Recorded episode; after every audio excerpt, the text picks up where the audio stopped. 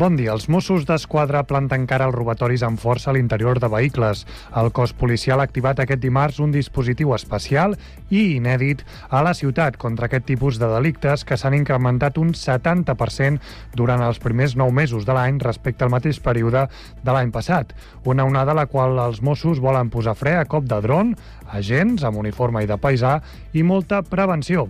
En el dispositiu que s'allargarà fins després de les festes de Nadal també hi participa la policia local i altres unitats dels Mossos. En Comú Podem alerta que el cas de Nova Finca, que ha deixat de renovar el lloguer a desenes de veïns per començar a implementar el co-living, és a dir, el lloguer d'habitacions, es pot estendre com a pràctica per evitar la regulació dels preus. Tot i que la pràctica és legal, la coalició insta les administracions a regular-la i fer servir tots els instruments per limitar-la. Entre les seves propostes hi ha desplegar inspeccions, revisar la concessió de llicències o introduir canvis urbanístics al PGM perquè requereixi permisos similars a l'activitat gratuïtat com a pensió. A més, els comuns presenten al ple d'aquest novembre una moció perquè s'exigeixi des de Sant Cugat el desplegament de la llei estatal d'habitatge i la regulació de preus del lloguer en les zones tensionades. Detallets actuarà a Sant Cugat el 16 de desembre en els Premis Capital de la Sardana 2023 que se celebraran al Teatre Auditori. El grup mataroní ho farà al costat de la Cobla Sant Jordi, que ha fet un arranjament de la popular cançó Coti per Coti, que veurà per primera vegada la llum en aquest acte. D'aquesta manera, el desig de l'entitat sardanista de Sant Cugat es farà realitat.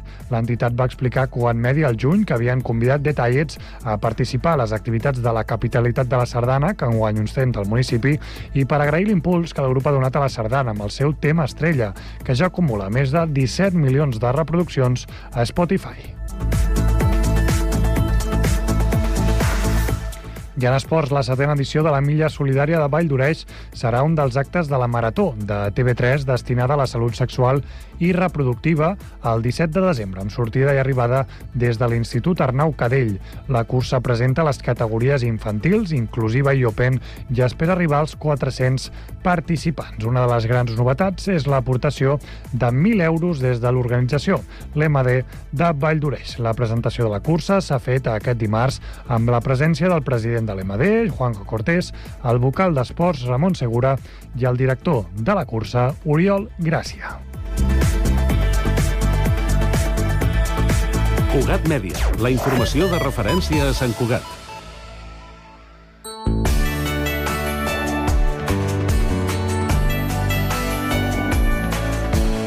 Ràdio Sant Cugat, Cugat Mèdia, 91.5 FM. Hora Sant Cugat és un contenidor radiofònic de continguts santcugatencs. Continguts en xarxa.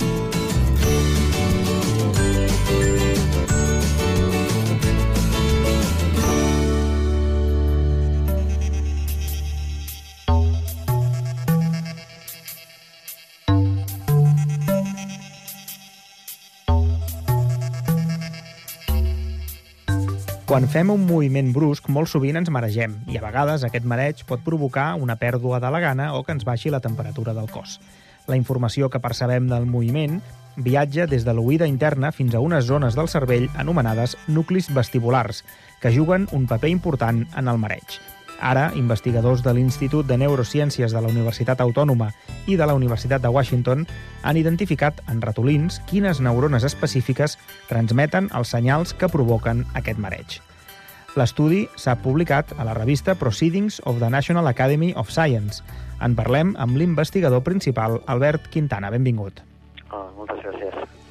Expliqui'ns més exactament en què consisteix el descobriment que, que han fet. Doncs, eh, bàsicament, com, com, com bé has dit, doncs, eh, ens interessava intentar esbrinar eh, com funcionen les neurones d'aquest nucli del, del cervell, que és el nucli vestibular, que integren tota la informació del moviment, no? que, que ens arriba per l'oïda interna.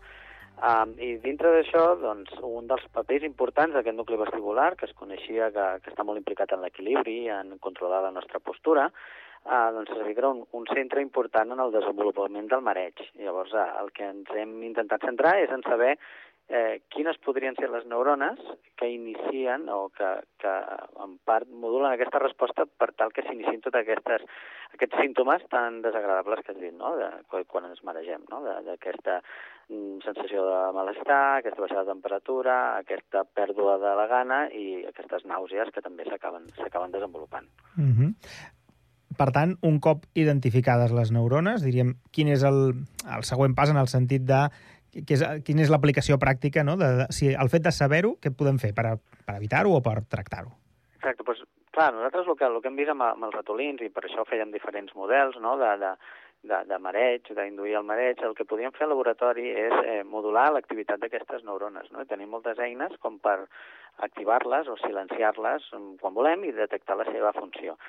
I mitjançant aquests experiments el que hem vist hem pogut identificar un tipus concret de neurones, que són neurones excitadores, que estan en aquest nucli vestibular, i que si eh, la, modifiques la seva activitat, doncs eh, aquests ratolins, per molt que estiguin exposats a, en aquest cas, a una rotació, no? com si anessis a la fira i anessis allà a, a, una, a un carrusel una mica ràpid, doncs aquests ratolins, si inactivaves aquestes neurones, aquests ratolins eh, no es marejaven.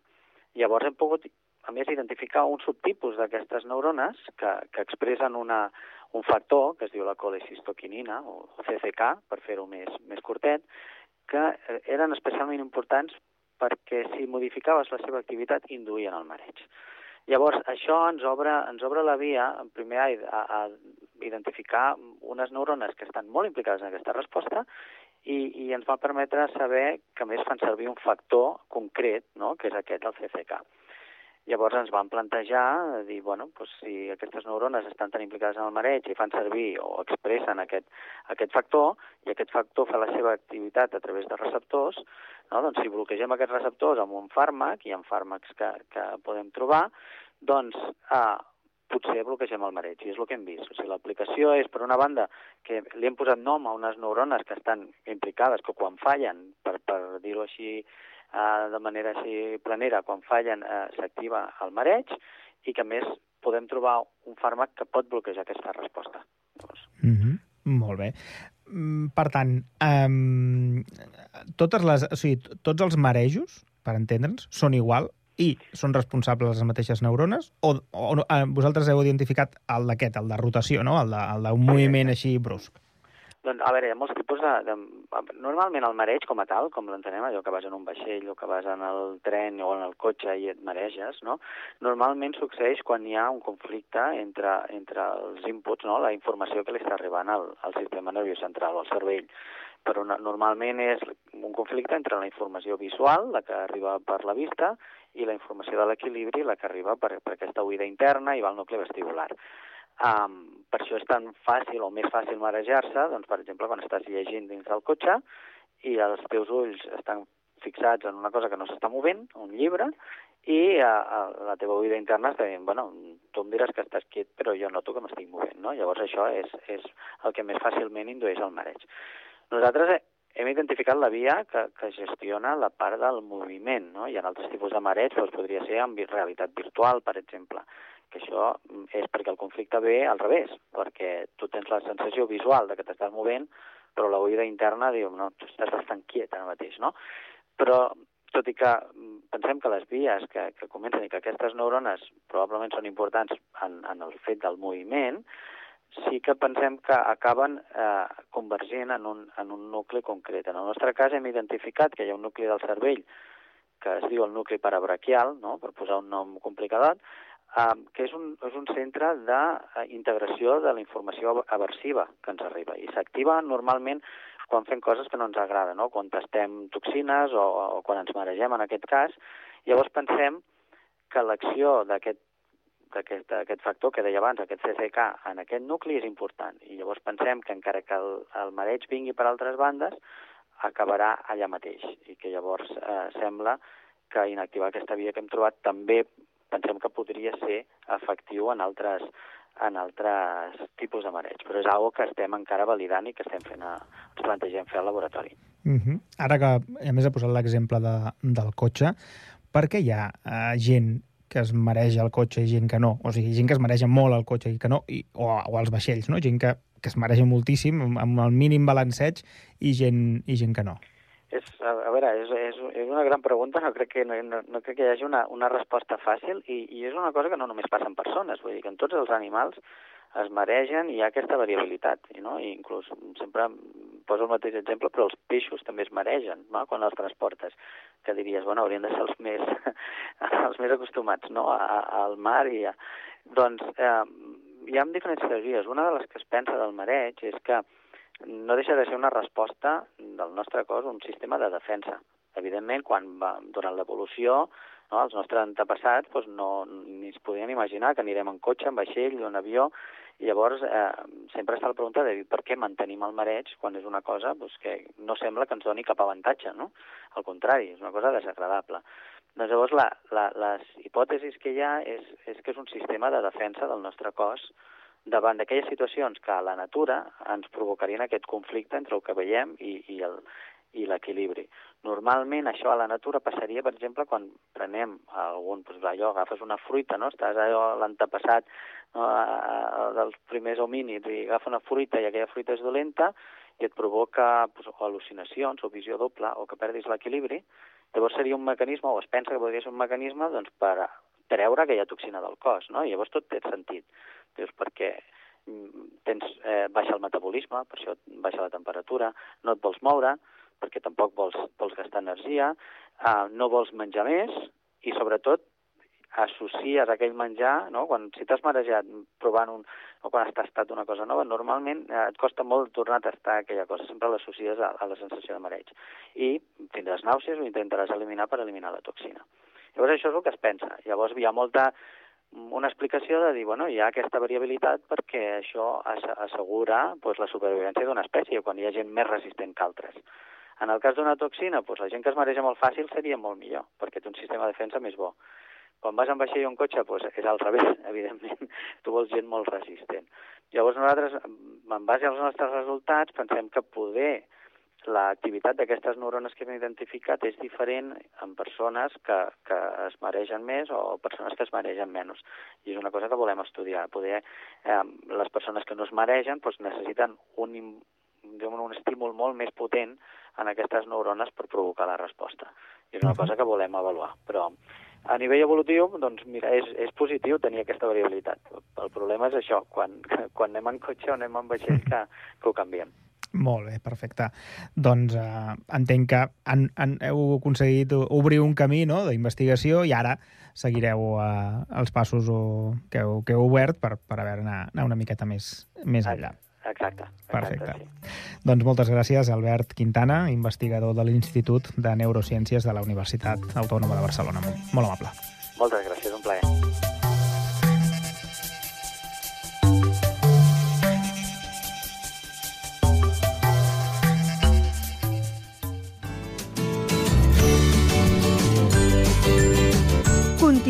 En xarxa.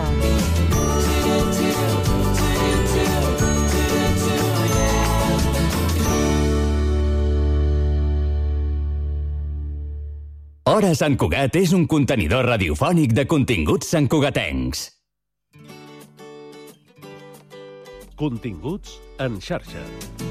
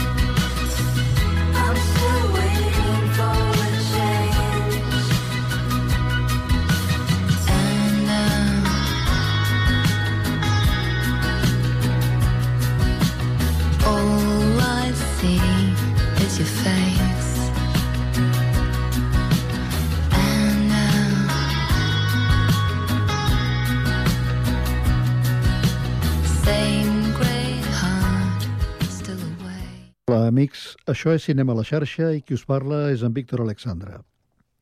Aquesta veu que ara sentíem era la de l'actriu francesa Charlotte Gainsbourg, una actriu filla, com sabem, de Serge Gainsbourg i Jane Birkin, que també eren actors i cantants. Eh, sembla que el fet d'haver nascut en el si d'una família artística com aquesta, amb el vessant cinematogràfic i el musical, Charlotte Gainsbourg estava destinada a seguir el mateix camí. I és el que ha fet. Per això avui eh, serà ella la protagonista del programa, de la mateixa manera que ho van ser, ara fa uns mesos, Jane Birkin i Serge Gainsbourg. Charlotte Gainsbourg té ara 52 anys, va néixer l'any 1971 a Anglaterra, com la seva mare, i parla anglès molt bé, però amb molt accent francès perquè tota la seva vida l'ha fet eh, pràcticament a França. En el cinema va debutar l'any 1984, quan tenia 13 anys, en el film Paraules i música, protagonitzat per Catherine Deneuve i Christopher Lambert, i d'aleshores ençà ha fet un munt de pel·lícules, una seixantena, pel cap baix, i totes en 40 anys. Pel que fa a la faceta de cantant, va començar de molt joveneta, també als 13 anys, al costat del seu pare cantant a duet la cançó Lemon Incest, Incest de Llimona. Ella també escriu moltes de les cançons que interpreta. La que hem escoltat es diu Anna i la seva lletra, la lletra de la cançó, és seva. Aquesta que escoltarem ara no ho és de seva. És del músic nord-americà Beck Hansen i es diu Time no és el mateix ser els integrants del millor grup de la història que ser el millor grup de la història. Per això, el grup català Occident serem Occident, perquè per continuar assegurant-ho tot, tot i tot, ens havíem d'ajuntar tots, tots i tots. Entra a seremoccident.cat. Nosaltres. Nosaltres som feliços. Nosaltres som així. Nosaltres, un programa de ràdio mensual amb el grup Catalònia Fundació Creativa, que treballa amb persones amb discapacitat intel·lectual o trastorn de conducta. Avui som la Maria José, el Miguel, l'Edu, la Núria, l'Irra, el David, l'Antonio, l'Artur, l'Emma, l'Àngel i el Guillem, jo mateix. Jo vaig començar amb el teatre d'aficionats. I vaig començar a fer molts càstings, molts càstings, i vaig començar a dedicar-me a la moda. Jo volia ser tenista i, i vaig aconseguir ser tenista professional. Jo em vaig donar compte que m'agradava molt la natació sincronitzada perquè m'agradava molt l'aigua. Vaig començar bastant tard a, a fer música i vam crear la banda d'Arnau Giso. Nosaltres, cada mes a Ràdio Sant Cugat, Cugat Mèdia. Nosaltres. Ràdio Sant Cugat, Cugat Mèdia, www.cugat.cat.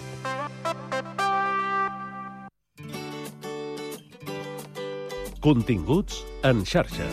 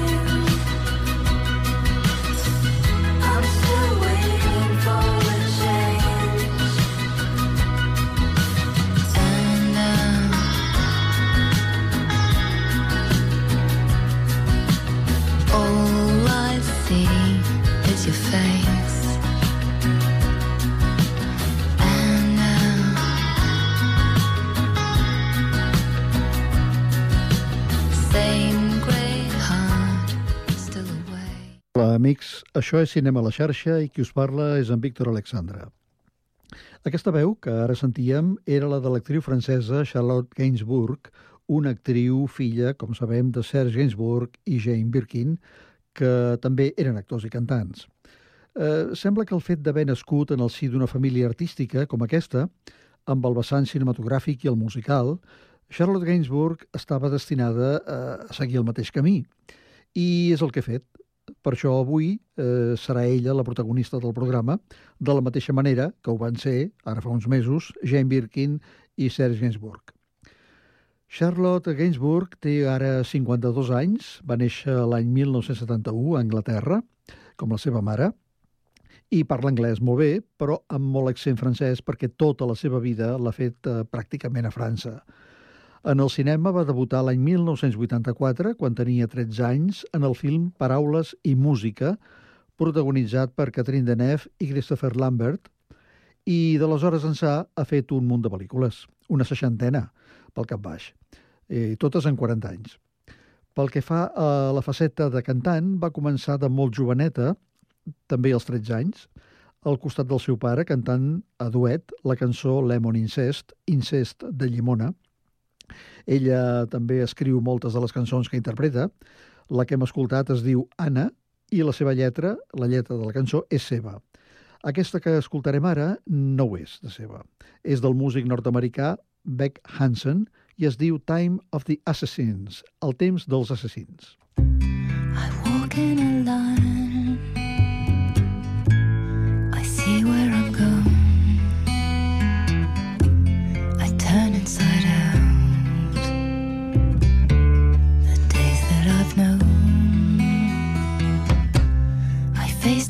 so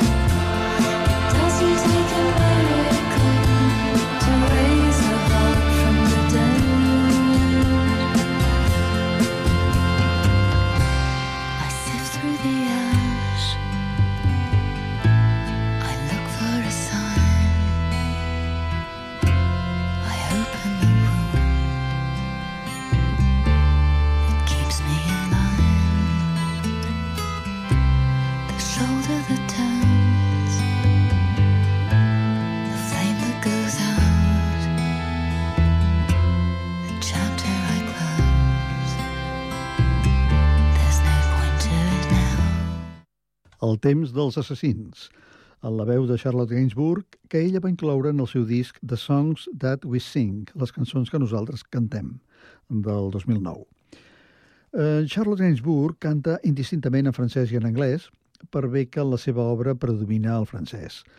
I cinematogràficament parlant, també roda indistintament pel·lícules en francès i en anglès, que és el mateix que feia la seva mare, Jane Birkin. És veritat que Charlotte Gainsbourg mm, no és una personalitat eh, molt famosa, ho eren molt més els seus pares, però tot i que va fer duets amb ells, eh, Charlotte ha seguit sempre una carrera autònoma pròpia. I és que es dona, és una dona, és una dona amb molta personalitat i, a més a més, és molt bona actriu. I molt dúctil, per cert, perquè pot fer papers de tota mena, tot i que li van molt bé els que tenen un cert, eh, diguem-ne, un cert morbo i una notable càrrega sexual.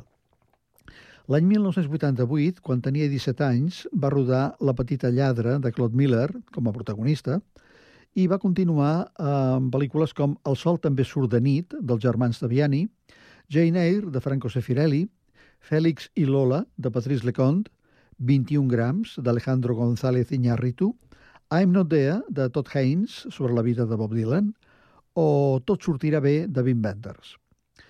Eh, Escoltem-la ara en una cançó que va compondre expressament per a ella el músic irlandès Conor O'Brien, Memòria.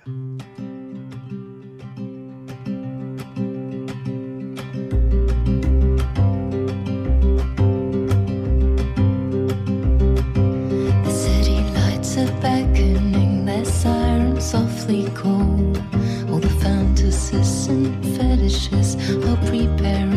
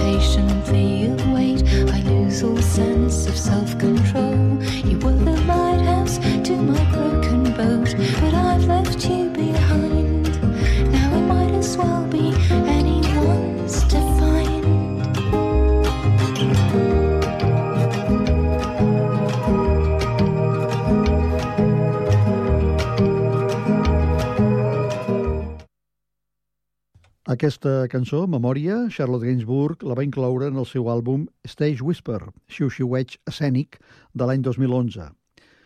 Em, Com he dit abans, Charlotte Gainsbourg és una actriu esplèndida i ha estat dirigida per molt bons directors.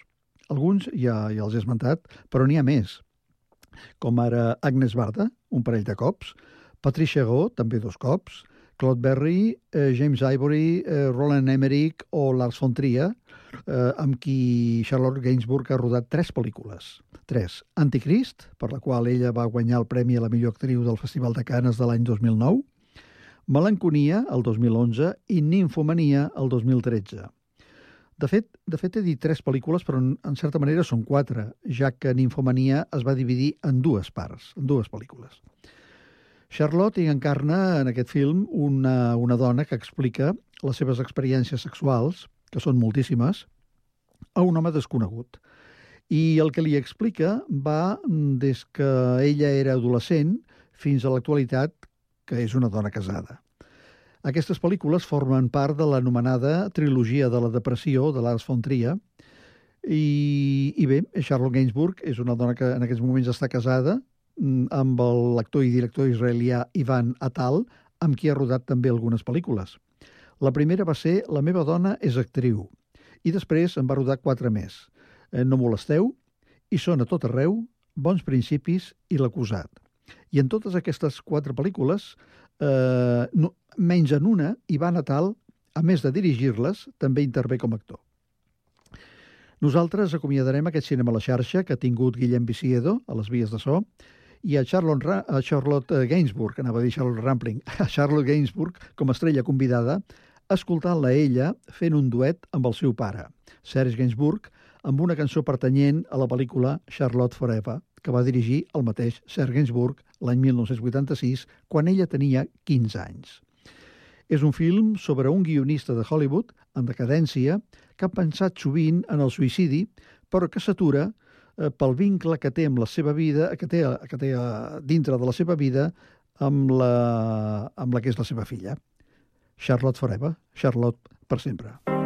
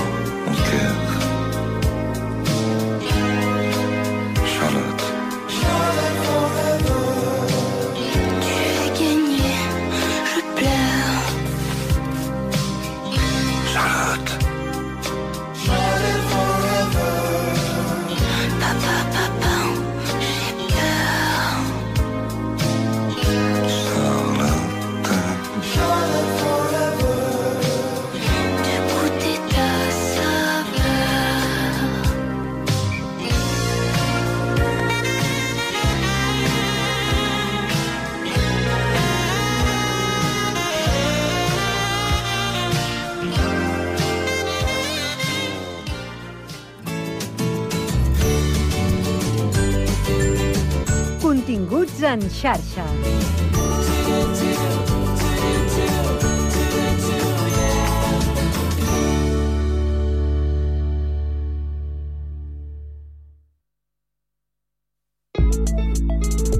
Estrenem l'APP del Picalletres. Paraules i jocs lingüístics per a tothom. Descarregueu-vos l'APP a Google Play o a l'App Store i comenceu a jugar. Cocodril Club. Si t'agrada la bona música dels anys 60, 70, 80, escolta Ràdio Sant Cugat els divendres a la nit de 10 a 12. És el temps del Cocodril Club, tot un clàssic de la ràdio. Recorda, divendres, de 22 a 24 hores, a Ràdio Sant Cugat, 91.5 FM. Cocodril Club, el programa revival de l'Albert Malla. Hasta luego, cocodrilo. No pasaste de caimán.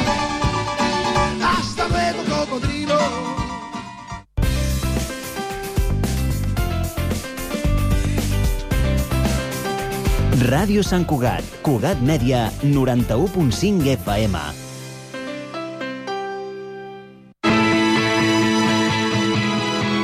Entitats, a Ràdio Sant Cugat. Són dos quarts d'onze del matí del dimecres 8 de novembre de 2023 i comença el programa Entitats. Aquest espai vol ser una finestra perquè les entitats de Sant Cugat puguin venir a la ràdio a explicar la seva activitat i mostrar-la a tota la ciutat. Avui hem convidat a Sant Cugat Empresarial, una entitat amb 18 anys d'història.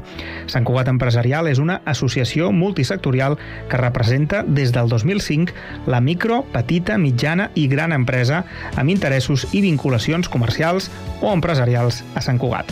Per conèixer la història de l'entitat, el seu present i futur, ens acompanyen Jaume Vives, president de l'entitat, i Concepció Coret, que n'és la gerent. Benvinguts a Cugat Mèdia. Bon dia, moltes gràcies. Bon dia i moltes gràcies per convidar-nos. Um, com han estat aquests 18 anys d'història a Sant Cugat? No sé si vostès van ser-hi presents en aquell naixement, en, aquell, en aquells inicis. La Concepció és una de les uh, fundadores. Eh? Jo crec que ella és la que pot explicar-ho una mica millor. Doncs sí, doncs això eh, vam estar parlant, ens havíem trobat alguns, eh, algunes persones del teixit empresarial d'aquí i sempre dèiem que no ens coneixíem entre nosaltres, que segurament que valia la pena que, que féssim alguna cosa. No? Això havíem estat parlant també amb, amb l'Ajuntament, ho parlàvem conjuntament, en aquell moment doncs, també s'havia iniciat el Tribuna, que era un punt de, de trobada molt important. I vam dir, això cal que generem una associació, un punt que ens aglutini i que ens puguem trobar i fer actes i potenciar el networking entre nosaltres. Sí, per tant, va néixer el Tribuna abans que Sant Cugat Empresarial, eh? Sí, això és correcte. Crec Això, de sí. fet, va ser una iniciativa de, de l'Ajuntament de, Mhm. de l'època eh, i va tenir molt d'èxits. Eh, després eh, vam anar passant els anys i l'Ajuntament va perdre una mica l'interès al tema i, i nosaltres vam dir, ara és la nostra. Ja, doncs vam, a, a assolir la, la responsabilitat i l'organització del tribunal. Uh -huh. En aquella època, no sé si vostè ja era president de, de Roig en aquell moment, Eh, jo, jo vaig arribar l'any 2007, o sigui, encara no. o sigui, encara no. Com a president no va, no va viure el, el naixement. Um, en, com ha evolucionat la- l'entitat? Perquè no la podem definir de patronal, no? No és una patronal de com ho pot ser foment, per entendre'ns. Eh? Per tant, com us definiríeu i una mica com ha anat evolucionant la- Sí, nosaltres no, no hem nascut com a patronal i cada, cada un té el seu espai i el seu lloc. Nosaltres el que hem nascut és precisament per potenciar la relació i el networking entre Mhm. tots els que formem part de la- de l'associació. per tant, nosaltres no estem oferint eh, serveis o venent serveis com pot vendre o oferir una patronal, sinó nosaltres el que oferim és això, punts de trobada per als socis, perquè així potenciem inclús el coneixement, l'oportunitat de negoci i també el fet de uh, fer actes que ens aportin un coneixement que ens és necessari en el teixit empresarial. Per tant, fem trobades en les quals, a part de la relació aquesta, uh, aportem o captem eh, eh, coneixement o temes d'interès per al teixit empresarial i econòmic. I, i a més, eh, som una veu important i rellevant en tot el que és la relació amb les eh, institucions públiques. Amb l'Ajuntament i amb altres estaments i altres institucions, i això fa que el nostre teixit empresarial, la nostra, el nostre, diguem-ne, re- bressol econòmic té una representativitat, un ressò i una complicitat fins i tot amb l'Ajuntament que fa que es puguin tirar endavant projectes conjunts i, i d'aquesta manera treballem pel bé de la nostra ciutat de colze amb colze amb el que és la- la- l'Ajuntament la, i altres institucions. Es podria entendre, i en el bon sentit de la paraula, perquè a vegades és una paraula molt denostada, que sou també un, una mica de lobby no? de, de les empreses, en el bon sentit, eh? que sabem que a vegades aquesta paraula ha perdut una mica de... està mal connotada, però és un lobby en positiu, no? Correcte, no, la, la, lobby és una activitat eh, no només lícita, sinó necessària. Eh, tu pensa que els polítics necessiten conèixer eh, l'entorn, conèixer la, les realitats, parlar amb gent per poder després eh, definir i establir la seva tasca, que és eh, regular, que és fer lleis, que és fer el que tinguin que fer. Eh? Però si no estan ben informats, és difícil que ho puguin fer bé. I el lobby és una activitat de, bàsicament d'informació eh? perquè la, la tasca política sigui més fàcil i, i, i millor. Molt bé. Ara tenen unes 200 empreses associades, no? si no m'equivoco. Um, hi ha més marge de, de creixement en aquest sentit? És a dir, que a Sant Cugat crec que n'hi ha bastantes més, no? Per tant, um, una mica quin, quina tasca hi ha? També hi ha una mica d'anar a parlar amb ells, d'anar-los captant? Realment sí que hi ha molta, molta oportunitat, ja ho sabem, Sant Cugat és un pol d'atracció de- d'empreses, tant d'empreses que estan a fora com d'algunes que estan aquí i que els interessa tenir presència en el nostre territori. Per tant, hi ha un gran potencial. A més a més, en aquí estan venint empreses que també són molt grans, molt representatives, algunes que inclús estan posant les seves seus aquí, que han triat venir a Sant Cugat deixant potser altres, altres ubicacions a, a altres punts d'Europa, no? I per tant és un punt molt important. I precisament tant aquestes com qualsevol altra de les que hem comentat del nostre públic objectiu, no? que són tant micro, petites, mitjanes com grans, el que els interessa molt és estar dins del territori i conèixer el territori. I Sant Cugat Empresarial ofereix això. I un dels elements que és molt important, que, que en Jaume ja ens ho ha comentat abans, no? aquest pont que nosaltres fem entre la- l'empresa i l'administració. Això facilita molt a l'aterratge en a les, en a les organitzacions, no? a l'aterratge o el seu creixement o el seu canvi o la seva adaptació i Mhm. això és un dels elements molt, molt diferencials nostres. Ara eh, que diu aquest, aquest, eh, això que fa de, de pont, fins a quin punt costa eh, diguem, Sant Cugat té molts atractius, eh, etc. Però també, diguem, ara mateix amb el tema de les llicències és una pota que, diguem, anem una mica coixos. Um, entenc que també aquí hem de fer una mica de tasca, no? Quan algú es vol establir o vol ampliar la fàbrica o el que sigui, no? les instal·lacions, això ara mateix no és, no és senzill. Uh, està millorant de mica en mica, però sí hem passat un temps uh, que fins i tot vam ser notícia de TV3, eh, com el municipi uh, que tenia una demora més llarga en les llicències d'obres tan grans com petites, o sigui, això afectava tant a l'empresa com afectava la, uh Mhm. -huh. ciutadà normal i corrent, no? Això s'està millorant de mica en mica i creiem que, bueno, que estem, estan en el bon camí.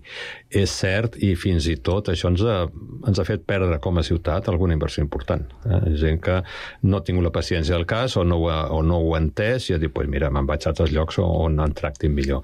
Això és algo que l'Ajuntament és conscient i nosaltres hem fet molta força en aquest tema. Fins i tot hem tingut, diguem-ne, no diré conflictes, però unes discussions eh, Mhm. importants eh, sobre aquest tema i, i és que és, és, com tu dius, és fonamental. Si la- si l'empresa arriba aquí i no troba les facilitats per establir-se, bueno, hi ha, hi ha competència, s'anirà a una altra ciutat, s'anirà a un altre lloc, i a nosaltres ens interessa que les empreses s'arrelin a Sant Cugat, per què? Perquè creen llocs de feina per la nostra gent. I això és un dels objectius bàsics també de la nostra associació. Mm -hmm. Perquè en la part positiva, diríem, tenim la, la part de la ubicació, no? Sant Cugat està ubicat en un lloc bastant privilegiat, però a banda d'això, perquè diríem, dins de, de, de la línia de l'AP7, diríem, ha, hi ha molts municipis, però què més, què més té a favor per cridar l'atenció Sant Cugat a, la, a les empreses? Bueno, la... Sant Cugat, d'alguna manera, és uh, un lloc uh, que forma part de lo que és, diem nosaltres, la marca Barcelona. Eh? Barcelona té un potencial extraordinari eh, dins de l'Estat, però sobretot eh, cap a fora. Jo que he viscut molts anys fora d'aquí, quan eh, dius de- d'on ets, on vius, a Barcelona, bueno, és fantàstic. Eh? Per la gent i les empreses les porten persones. Per tant, és, és, és important que sigui atractiu per les persones perquè vinguin aquí. Aleshores, és part de la marca Barcelona. És un lloc on la qualitat de vida eh, és, eh, bueno, eh, és bona i la gent això també ho, ho aprecia. I després s'ha format una, no diré, a mi la paraula clúster no m'agrada, però un entorn privilegiat d'empreses d'innovació, d'empreses de tecnologia, d'empreses que criden altres empreses del mateix eh, segment o del mateix tarannà. Llavors, en aquest sentit, això eh, ens ha permès ser un lloc molt atractiu per a empreses que volen eh, establir seus aquí, i miren al voltant i diuen, home, està què, està què, Ah, deu estar bé això. Aleshores, una mena d'efecte crida en positiu. Molt bé, perfecte. Doncs abans en parlàvem de- d'aquests eh, tribuna, aquest Sant Cugat Tribuna, precisament demà, eh, dijou, eh, aquest dijous, eh, organitzen un, un d'aquests. Què, què em poden explicar d'aquesta edició? De què, de què parlareu? Ah, Parlem del repte de la banca en aquest entorn digital. Mhm. O sigui, la banca, eh, des, de la, des de fa 3 o 4.000 anys enrere, eh, ha evolucionat molt. Quants? molt, i eh, avui en dia la banca és capdavantera en el tema digital, perquè d'alguna manera, com avui ens recordaven, eh, la, la, la banca, bàsicament, el seu, el seu dia a dia són dades són dades, ells treballen amb dades i, per tant, la digitalització de la banca és no només necessària, sinó absolutament imprescindible perquè hi hagi eh, que aquesta tasca pugui tirar endavant i, sobretot, dades ben protegides perquè potser són les dades més eh, delicades que, que tenim.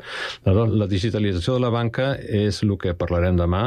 Parlarem també d'una nova, diré, moda, que són les, eh, les, corrent, les, eh, les monedes digitals emeses pels bancs centrals. Eh? Eh, es parla d'un euro digital. Avui ens, eh, ens hem enterat, si suposo ho parlarem demà passat, que ja hi ha una mena de normativa europea sobre el tema. Eh, la Xina ja té la seva moneda digital, etc. O sigui que s'està establint que cada zona econòmica del món està eh, definint les seves pròpies monedes digitals. I això porta un entorn que pels ciutadans de peu és absolutament novedós, no? I llavors parlarem també d'aquests temes.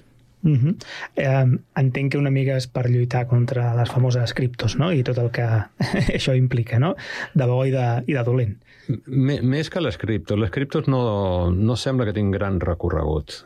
Eh, el problema més gran era quan aquestes grans multinacionals tecnològiques, tipus Facebook, Amazon, Meta, etc., volien o pretenien establir la seva pròpia moneda digital.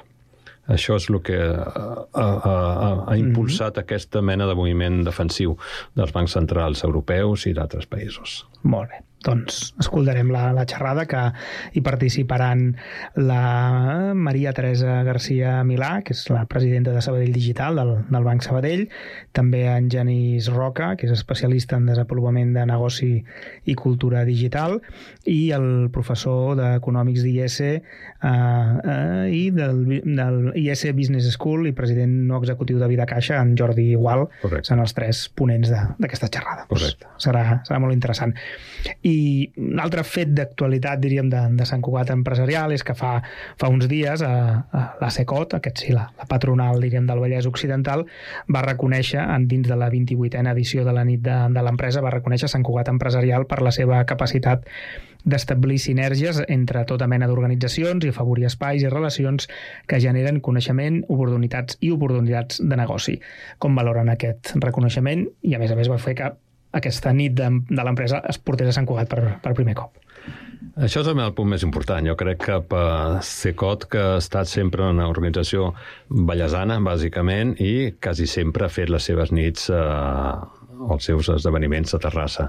Han sortit de Terrassa i jo crec que això és un reconeixement al potencial econòmic no potencial, sinó la realitat econòmica de Sant Cugat. Pensem que avui en dia Sant Cugat eh, és la quarta ciutat eh, catalana en, en, en termes de PIB, molt a prop de la tercera, que és justament Terrassa, i això fa que aporti un valor eh, molt important a tot el que és el teixit eh, ballesà.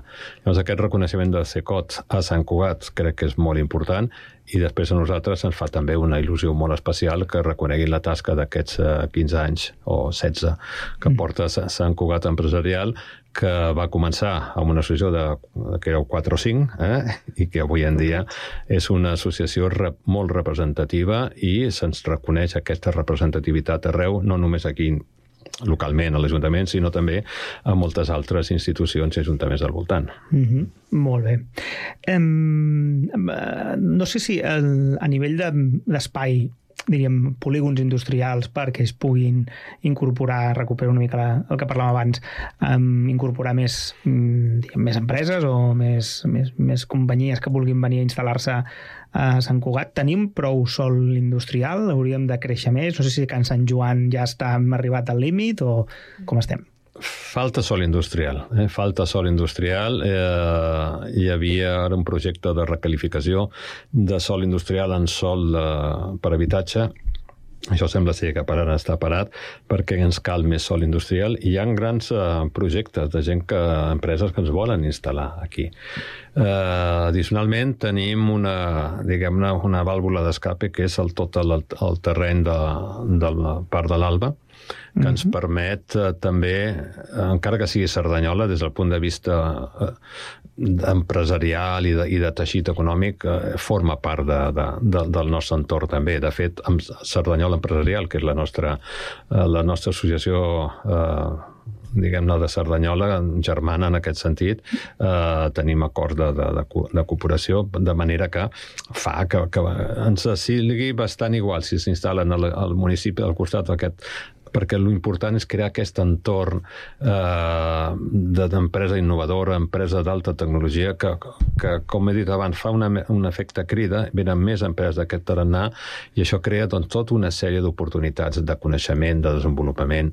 de feines de, de, de, de llocs de feina de qualitat, eh?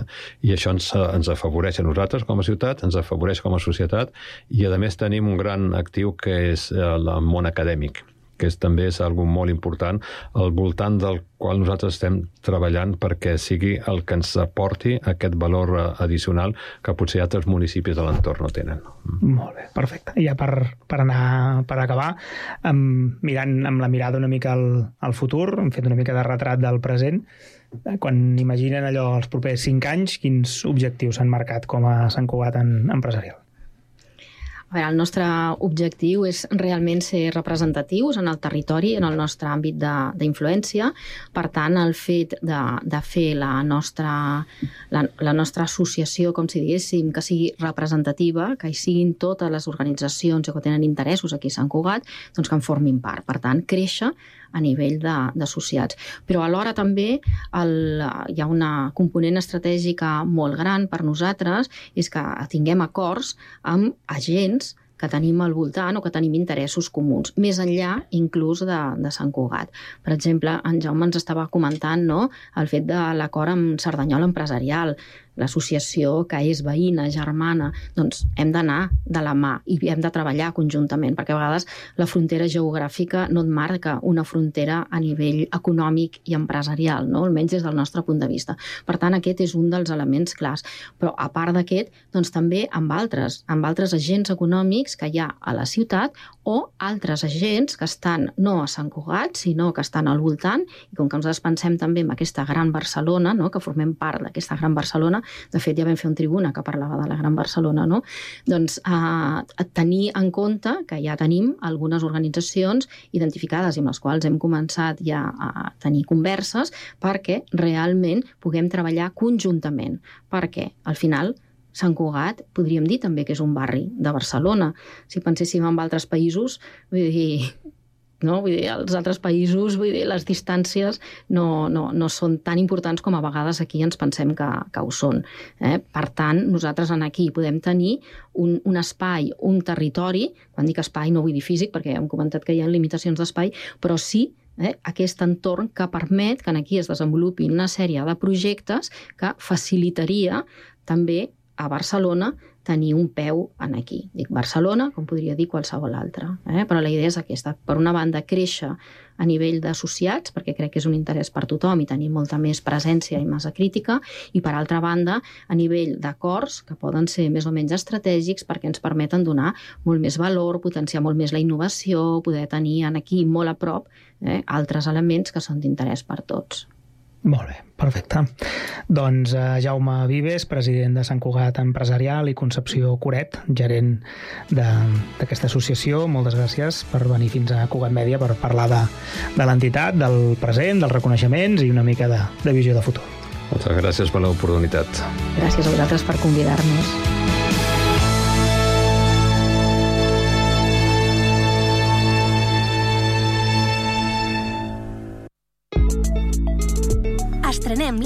Del Picalletres. Paraules i jocs lingüístics per a tothom. Descarregueu-vos l'APP a Google Play o a l'App Store i comenceu a jugar. Cocodril Club.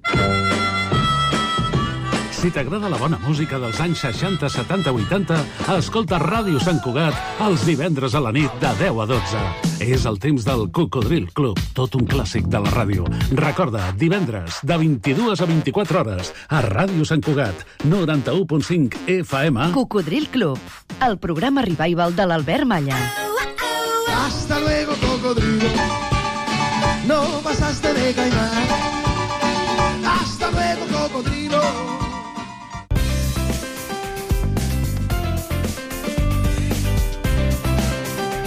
Ràdio Sant Cugat, Cugat Mèdia, 91.5 FM. Hora Sant Cugat és un contenidor radiofònic de continguts santcugatencs.